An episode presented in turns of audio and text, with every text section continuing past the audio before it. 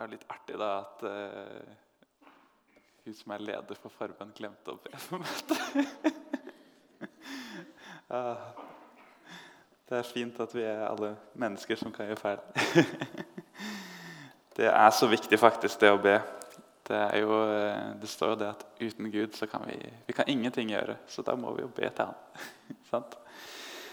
eh, dere som har med en bibel, kan gjerne slå opp i Daniel kapittel 3. I dag blir det litt sånn at vi kommer til å følge ganske mye tekst. Eh, og Da er det alltid greit å ha en eh, bibel, og så skal det komme på skjermen òg. Eh, jeg tenkte vi skulle lese hele kapittelet. Så her blir det gøy. Skal vi se Det er sikkert mange av dere som har hørt fortellingen før. For det er Daniels venner i ildovnen. Men jeg vil at dere skal prøve eh, og Det er sikkert noen av dere som ikke har hørt den før. og da tror jeg det blir veldig, veldig spennende for dere. Eh, men hvis du har hørt den før, så prøv å, å på en måte legge litt vekk det du har hørt før. Prøv, prøv å lese det nå som om dette er liksom første gang eh, som du har hørt denne historien. Og så vil jeg også oppmuntre deg til å liksom prøve å bruke fantasien din. Og mens jeg nå leser opp fortellingen, og vi leser det sammen på skjermen, lev deg litt inn i det. Se for deg at du er i folkemengden, eh, og du kjenner solsteiken. Du, liksom, du lukter støv i lufta. Eh, du hører lydene. Masse folk.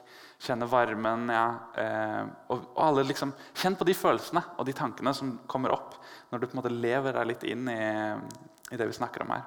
Det er ofte en veldig god ting når man leser Bibelen. Så vi leser sammen fra vers 1. Kong Nebukadnesar laget en billedstøtte av gull 60 alen høy. Det vil altså si ca. 30 meter, så det er snakk om liksom, ni etasjer. Dette er en høy gullstatue. Eh, og seks alen bred. Eh, han stilte den opp i Duradalen i landskapet Babel.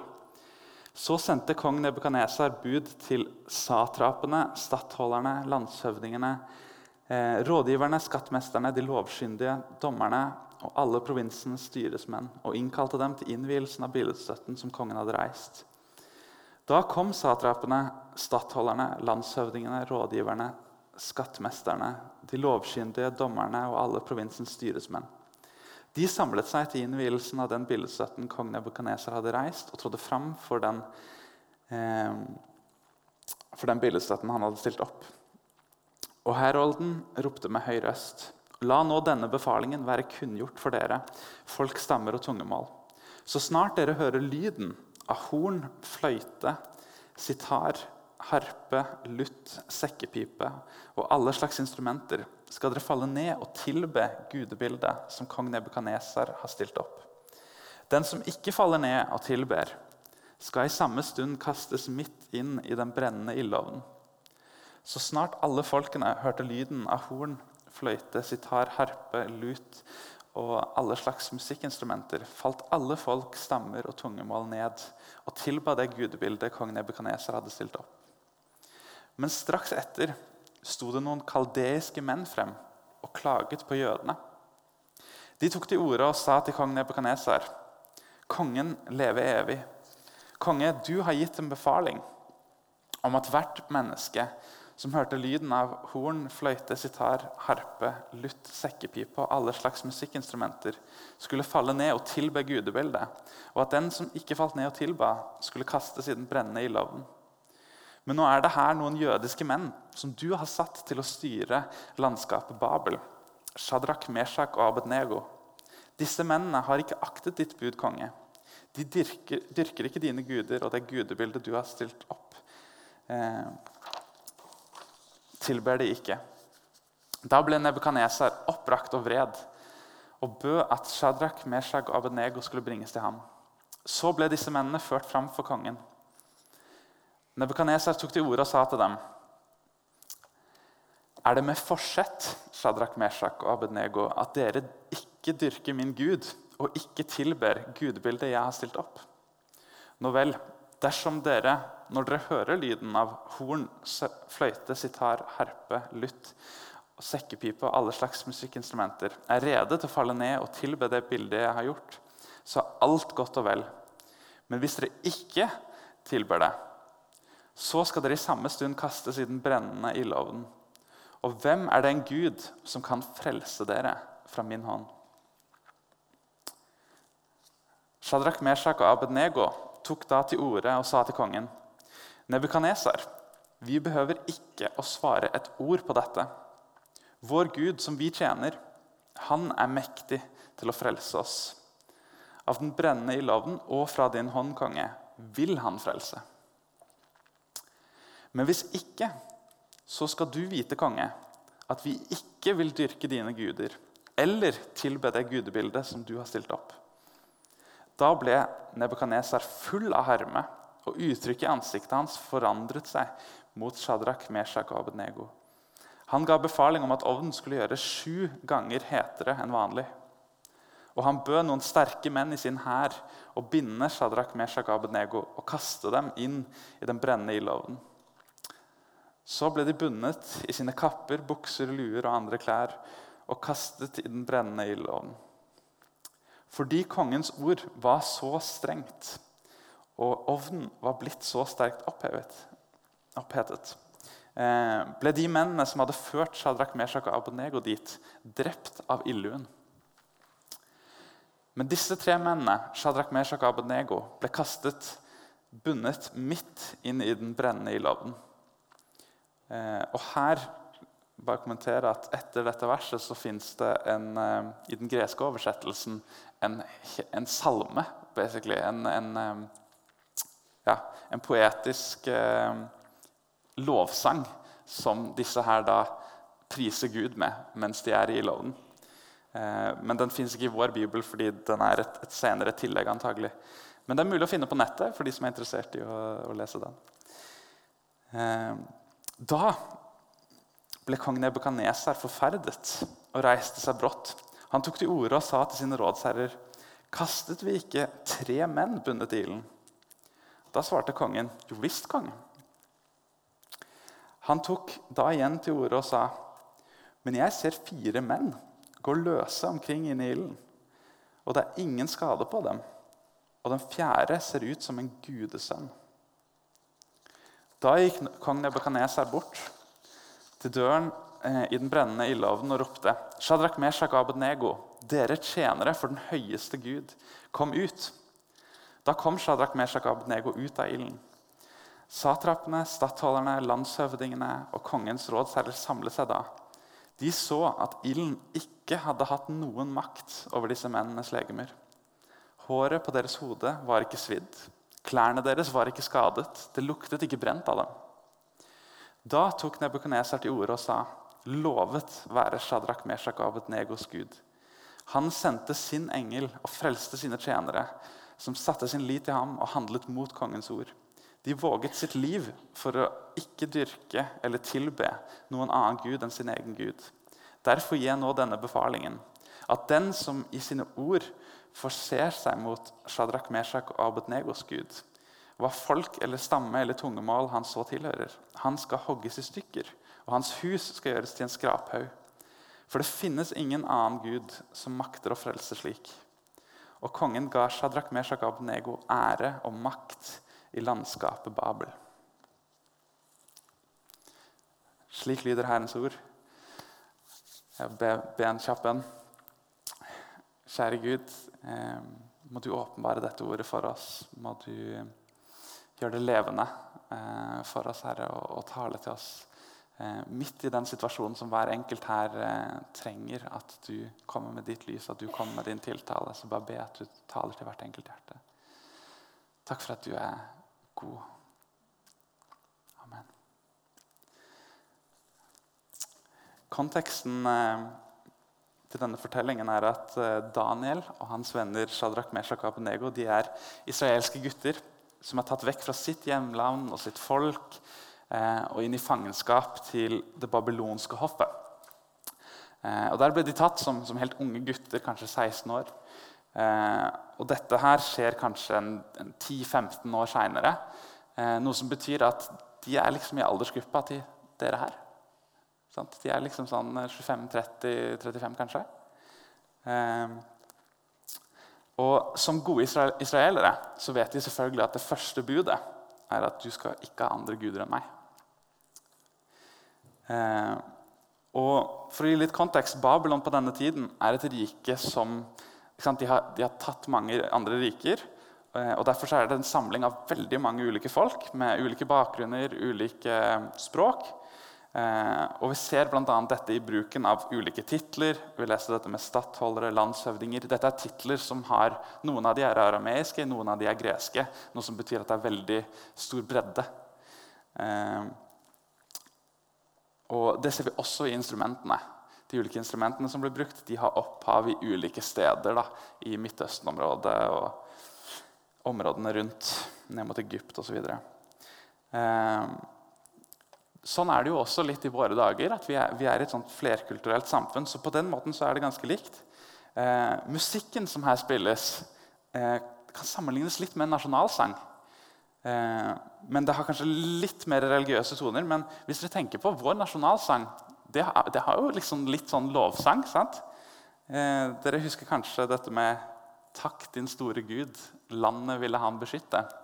Så nasjonalsanger har ofte litt den der eh, guddomaspektet i seg.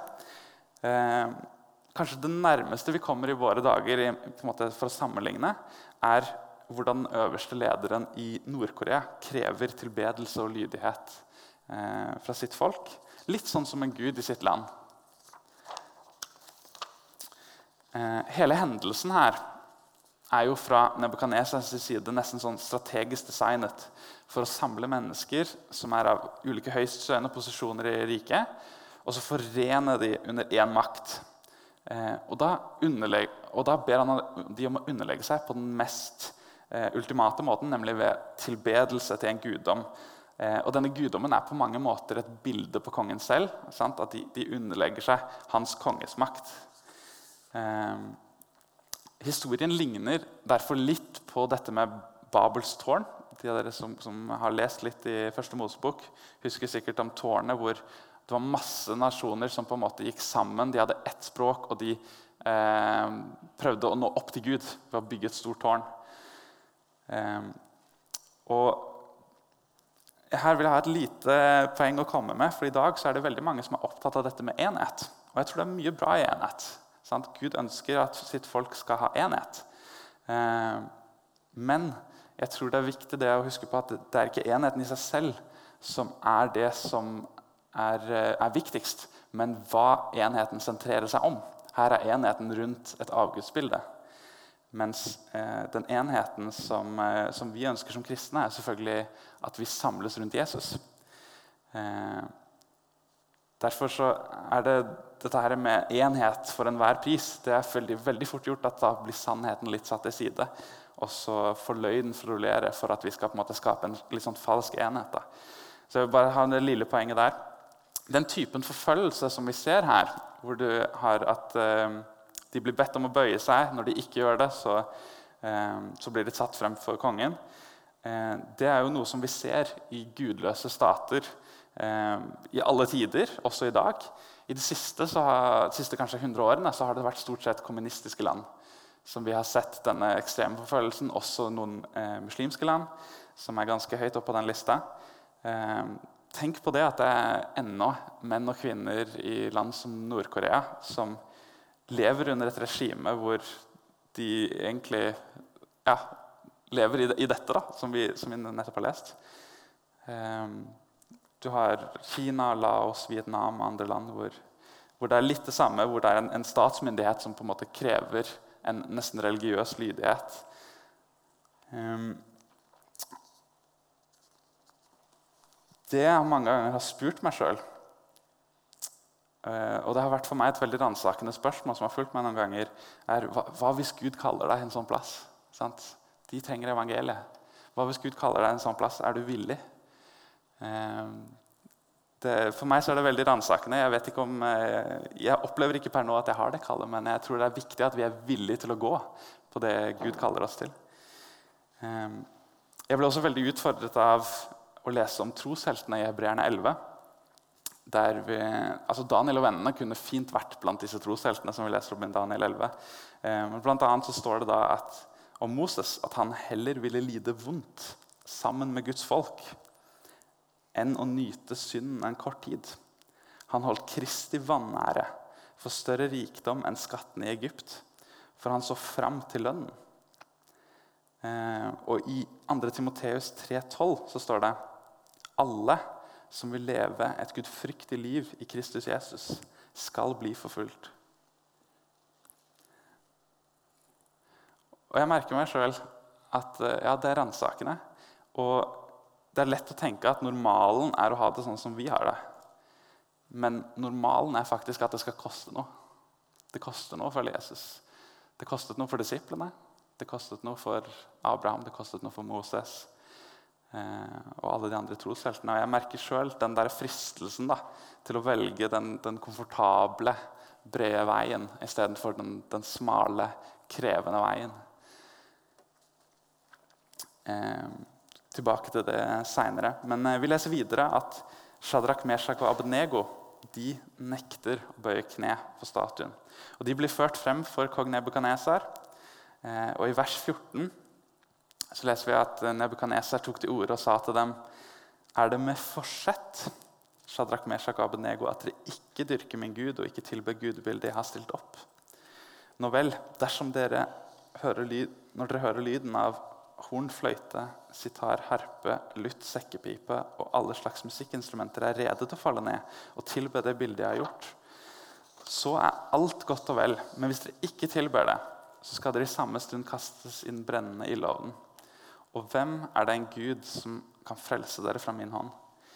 Eh, Gud blir åpenlyst spottet og satt på test. Og det jeg har tenkt på her er at Uten å være helt klar over det, så har egentlig Nebukadnesar lagt opp til Gud den perfekte anledningen for å offentlig vise at han er den ene sanne Gud. Denne fortellingen har også mye fellestrekk med det vi leser i kapittel 6 i Daniel. Eh, dere husker kanskje Daniel i løvehulen. Her er det også en lov som lages eh, om at det kun er lov å be til kongen så det er religiøs, eh, innskrenkende lov. Daniel går imot den loven, og slik som han alltid hadde gjort, det som han hadde for vane, han åpnet vinduet og ba til Gud i himmelen. Og Så ble han arrestert. Han blir kastet ikke i en ovn, men i løvehulen. Eh, og så I kapittel 6, vers 23 så kan vi lese Min Gud sendte sin engel og lukket løvenes skap, så det ikke skadet meg. For jeg er funnet uskyldig for ham. Og heller ikke mot deg, konge, har jeg gjort noe galt. Og den historien ender med at Gud får ære i hele riket. Veldig mye likhetstrekk. Men Shadrach, Meshach og Abenego de skjønte at det å bøye sine knær for, eh, for Herren, det betyr å fornekte alle andre guder. De visste det at det å gi sitt ja til Gud, det betyr et rungende nei til alle andre. Slik som ditt ja til din ektefelle, hvis du har det, det er et nei til alle andre. Slik som ditt ja til å komme hit i kveld, det er et nei til hva enn annet du kunne funnet på i kveld. Det er noe med det at våre forpliktelser de er veldig definerende for hvem vi er. Eh, og Jesus sa jo det at la ditt ja være ja, og ditt nei være ditt nei. Så han vil at vi skal være folk av integritet som gir et helhjertet ja. Først og fremst til han, eh, men også til de medmenneskene vi er kalt til. Eh, men vi, i dag så lever vi litt i en kanskje-tid. Dere har sikkert eh, lagt merke til og kanskje frustrert dere over eh, denne eh, interessert-knappen på Facebook. Du kan bare liksom klikke 'interessert'. Eh, og det man egentlig sier, er jo at 'jeg er interessert', men jeg har ikke lyst til å forplikte meg i tilfelle det kommer opp noe bedre. Sant? Og Det er litt sånn som vi lever i dag. at det er, liksom, det er, stadig synkende trender i forhold til ekteskap. Folk vil heller bo sammen, og så vil de holde liksom, bakdøra på gløtt.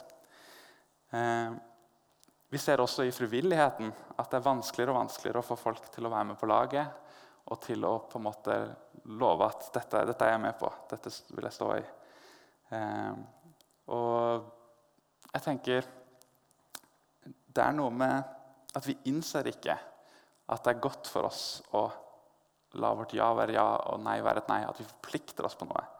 Når du forplikter deg på en gruppe, f.eks. en tjeneste eller bibelgruppe, så eh, blir du en del av noe. Noe som har varighet. Eh, du blir litt som en del av en, en, si en minifamilie. Eh, og ja, du taper noe av friheten. Eh, Shadrach Meshach og tapte definitivt noe av friheten. Men det du vinner, er jo støtte og fellesskap, muligheten til å leve for noe større enn deg selv.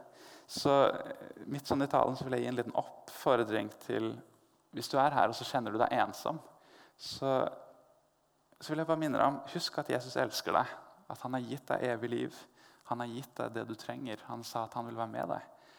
Og så Istedenfor å tenke på deg sjøl, begynn å engasjere deg med et eller annet. Sant? Begynn å, å være frivillig en eller annen plass. Eh, og begynn å velsigne andre. Og da vil du oppleve dyp og varig glede. I, vi leser videre i vers 16. Shadrach, Meshach og Abnego tok da til orde og sa til kongen Nebukadnesar, vi behøver ikke svare et ord på dette. Vår Gud, som vi tjener, han er mektig til å frelse oss av den brennende ildovnen, og fra din, kong, eh, din hånd, konge, vil han frelse. Men hvis ikke, så skal du vite, konge, at vi ikke vil dyrke dine guder eller tilbe det gudebildet du har stilt opp. Jeg liker holdningen deres her. Det er så bra. Ehm, jeg har lagt merke til at for mange kristne i dag så handler livet mer om hva du kan få ut av det. Det handler om komfort, om helse, om eget rykte. Eh, men for disse guttene så er det åpenbart noe som var langt viktigere. Nemlig at Guds navn skulle holdes hellig. Nebukadneser hadde sagt at er det noen Gud som kan redde dere da? Han hadde eh, basically spottet Gud og sagt at nei, deres Gud kan ikke redde dere. Og jeg vet ikke om du har tenkt på, men hver gang du ber Fader vår, eller Vår Far, som det heter i dag, eh, så ber du Vår Far i himmelen, la ditt navn være hellig. Eller før så var det 'holdes hellig'. Eller, nei, det er nå det er 'holdes hellig'. Eh, og det du egentlig da sier, er at Gud, jeg ber om at ditt navn skal holdes i ære. At det skal være opphøyd både i mitt liv og i mine omgivelser. Sånn, at Gud skal være tilbedt Eh, og det er den eneste rette responsen for skapningen i møte med sin skaper. Jo, er, du, er, du, er, annerledes, du er høyere enn meg. Jeg opphøyer deg. Jeg anerkjenner min lavere posisjon og opphøyer deg. Disse, var, nei, disse, guttene var ikke opptatt av eget rykte. De var ikke opptatt av helse, penger, sikkerhet, komfort. Men de var veldig opptatt av Guds navn, at det skulle holdes hellig. Og de var villige til å ta sjansen på flammene i forsvar for den overbevisningen. De hadde en tro som ikke krevde mirakler og resultater. For det står i, i versene vi leste, sant, hvor Gud som vi tjener, han er mektig til å frelse oss av den brennende ildovnen. Og fra din hånd så vil han frelse, så han kan, han vil. Men hvis ikke, hvis ikke han gjør det, så skal du vite, konge, at vi ikke vil dyrke dine guder eller tilbe det gudebildet du har stilt opp. Så han kan, han vil, og selv om han ikke, så vil vi likevel ikke tilbe det gudebildet. Det er tillit, det. Jeg skjønner det er liksom sånn Kjære Gud, må du, må du gjøre det i mitt liv. Gi meg den tilliten. At når jeg kommer i en situasjon hvor eh, det er fristende å ta den enkle, komfortable veien, så sier jeg at, at Gud han er med meg, han kan hjelpe meg. Jeg tror han vil hjelpe meg, men selv om han ikke hjelper meg, selv om det skulle gå, altså jeg skulle betale den ultimate prisen, som egentlig var det som lå på bordet for disse gutta, så vil jeg likevel ikke fornekte det. Jeg vil likevel ikke eh, tilbe noen annen, annen, Gud. Og jeg tror at med frimodighet eh, så kan vi ha tro på at Gud gjør mirakler. For Gud er miraklenes Gud. Hele Bibelen er, altså den boken er sjåkfull av mirakler. sant? Og jeg tror at, eh, at han gjør det i dag òg. Eh, og Det står jo at han er vår far. han eh, inviterer oss flere steder i Guds ord til å be han om alt det som ligger på, på vårt hjerte. Sant? Han inviterer oss til det. Han ønsker det. Og vi vet jo at ingenting er umulig for Gud. Um, og jeg, jeg, skulle ønske at langt flere av oss, og meg selv inkludert, at vi hadde tro for å be om mirakler. At vi hadde tro for å be om helbredelse når noen er syke. eller sånne ting. Eh, men det viktigste er ikke egentlig hva vi ber, men motivasjonen bak, tror jeg. I Jakob, så, Jakob kapittel 4 så skriver han dere har ikke fordi dere ikke ber. Eh, men dere ber, men får ikke fordi dere ber galt. Dere vil sløse det bort i nytelser. Det er ikke galt å be om mirakler eller ting du trenger. Men spørsmålet er hva er motivasjonen? Og Her vil jeg ha en liten bekjennelse. Eh, jeg har i mange år bedt om et mirakel som jeg ennå ikke har fått svar på. Og Det var ikke før de siste årene at jeg innså eh, at dette er egentlig noe jeg bare ber, for, ber om fordi det plager meg. Altså, Jeg gjør det ikke kjærlighet og omsorg for noen andre. Jeg er ikke opptatt av at Gud skal ha æren for det. Egentlig så forsøker jeg bare å bruke Gud. Bruker han som en eller annen automat og tenker at liksom, hvis, jeg, hvis, jeg, ber med de rette ordene, kanskje vil min vilje skje. Og så legger jeg gjerne til på slutten ja, ikke min vilje, men din vilje, Gud. Sant? Vi skal være bibelsk her. Men eh, helt ærlig så er det ikke en, en, det er ikke alltid en uttrykk for overgivelse til Guds vilje, slik som det var for Jesus i Getsemanehagen. Ofte så er det en sånn da har jeg en unnskyldning hvis det ikke skjer noe. på en måte. Da, da gjør det ikke så vondt. Sant? Og eh, Den måten å be på, det er ikke tro. Og enda viktigere enn det, det er ikke til Guds ære. Det står i Jesaja 43.: Alle som er kalt med mitt navn, dem er jeg skapt til min ære. Så vi er skapt for å ære vår skaper. Og Det betyr at vi ved våre liv skal vise hvem Gud er, og hjelpe andre å se hvem han er, se hans karakter. I motsetning til meg, når vi leser om Jesus, så står det at han ble beveget med barmhjertighet for folk. Og så handlet han.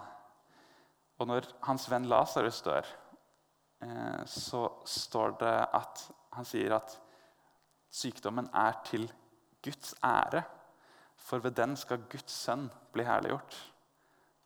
Så han var opptatt av Guds ære. Jesus var aldri opptatt av seg selv. Og det er heller ikke guttene når de er foran Nebukadnesars trone. Så det som imponerer meg, er at deres tro på Gud den var så til de grader ikke basert på sine omstendigheter. Prøv å tenke på hva som er omstendighetene etter Shadrach, Meshach og Abednego. De er tatt vekk fra sitt hjemland. Det er blitt erobret, knust. Tempelet er ødelagt. Sant? Alt tyder på at Gud har forlatt dem. Likevel så er de trofaste. Midt i all den motgangen så velger de å tro på Gud. Eh, og hva er det som skjer? Jo, Vi leser jo at, at Nebukadnesar blir mer og mer sint. Han befaler at ovnen skal varmes syv ganger så varmt. Eh, Teologer er enige om at dette med, med syvtallet handler ikke om å øke temperaturen syv ganger, men at, at det skal bli så varmt som det overhodet er mulig da, å få det til. Og så befaler han disse her sterke soldatene at de skal kaste guttene ned i ildovnen. Og disse sterke soldatene omkommer i hendelsen. Og så ser Nebukadnesar inn i ovnen, og så ser han til, til sin store forferdelse at der er det ikke bare tre menn, men det er fire som går fritt omkring inne i ilden. Det må ha vært litt av et syn. altså. Og så, så, står det i Skriften at den fjerde ser ut som en gudesønn. Noen mener at dette var Jesu skikkelse. Eh, andre mener at det er en engel. Men, men uansett så er dette en, en, fysisk representasjon av Guds nærvær som var med disse guttene, og som berget livet deres. Eh, vi leser videre i vers 27 at ilden ikke hadde hatt noen makt over disse mennenes legemer. Håret på deres hode var ikke svidd, klærne deres var ikke skadet, og det luktet ikke brent av dem. Og Resultatet var at Nebukadnesar offentlig erklærte at det er ingen gud som er så mektig som Shadrach, Meshach og Abednegos gud. Gud blir herliggjort. Og Det jeg vil oppmuntre oss med helt til slutt, er at Gud er der. Altså Gud han er midt i flammene med Guds folk. Og det er ikke alltid at han frir oss ut ifra lidelser og til og med ifra død i dette livet. Men han har lovet oss å være med oss helt til jordens ende. Han sier, 'Jeg vil, ikke forlate deg'. Han er den Gud som kan frelse oss, som vil frelse oss. Og selv om det ikke går den veien som vi ønsker i dette livet, så kan vi likevel sette vår lit i han. Fordi, og dette er uttrykket som min bestemor alltid pleier å bruke, vi vet at vi har det beste igjen. Så slik som trosheltene i Hebreerne 11 eh, venter på oppstandelsen og det nye Jerusalem som skal komme, eh, der det ikke skal være sorg eller skrik eller smerte, der Kristus skal lyse, og det skal ikke være natt. Eh, slik så har vi også et levende håp i Kristus. Eh, og Uansett hva dette livet måtte kaste imot oss, så kan vi klamre oss til det. Så helt til konklusjon så vil jeg bare oppsummere litt at eh, jeg tror det er noen poeng her. Din tro er ikke ut fra omstendigheter. Det er ikke noe vits å se på omstendighetene, men vi må se på Jesus vi må se på Gud. Det er heller ikke ut fra resultater. Sant? Troen er ikke definert ut ifra hvilke resultater du får. Jeg tror ikke på Jesus for at jeg skal ha et godt liv. Jeg tror ikke på Jesus for at jeg skal ha god helse. Men jeg tror på, på Jesus fordi det er rett eh, og fordi jeg har et evig håp i himmelen. Det er heller ikke definert ut ifra følelser eller egne evner. Altså Hvis eh, Shadrach, Meshach og Abednego skulle kjenne etter liksom, hvordan er det jeg føler det nå Jeg tipper at de var livredde. De, eh, det er ikke det som, det som er grunnen til at de har tro. Men grunnen til at jeg har tro, er at de trodde på Guds makt og Guds løfter. Og den som stoler på Gud, vil aldri i evighet bli til skamme. Kan det hende at man må lide tap i dette livet, men vi vet jo at vi har det beste igjen. La meg be en kjapp en til slutt. Kjære himmelske Far. Eh, jeg vil takke deg for at du er den Gud som er med oss. Du er den Gud som, som steg ned